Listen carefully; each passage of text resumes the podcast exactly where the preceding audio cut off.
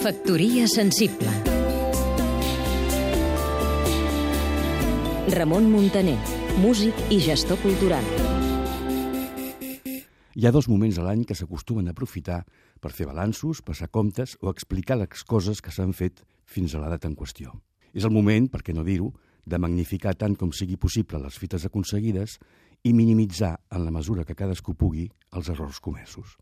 Molt sovint els nostres dirigents polítics, empresarials, culturals, esportius, socials, ens parlen que el gran problema que tenen és que ells ja fan prou bé les coses. El que passa és que aquestes coses tan bones que han fet no es comuniquen suficientment bé. Ah, la comunicació, la gran excusa dels nostres dies. Moltes empreses, entitats, administracions públiques pensen que una gestió mal feta s'arregla amb un bon cap de comunicació, amb un cert pedigrí mediàtic que sigui capaç de vendre una possible desfeta com un gran repte assolit, allò que popularment acostumem a definir com un encantador de serps.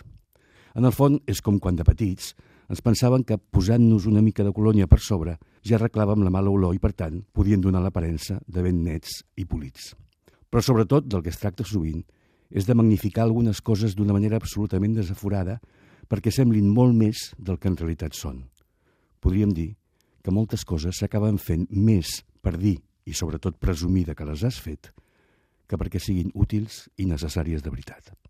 Qui dia passa, any empeny. I així ens va. Factoria sensible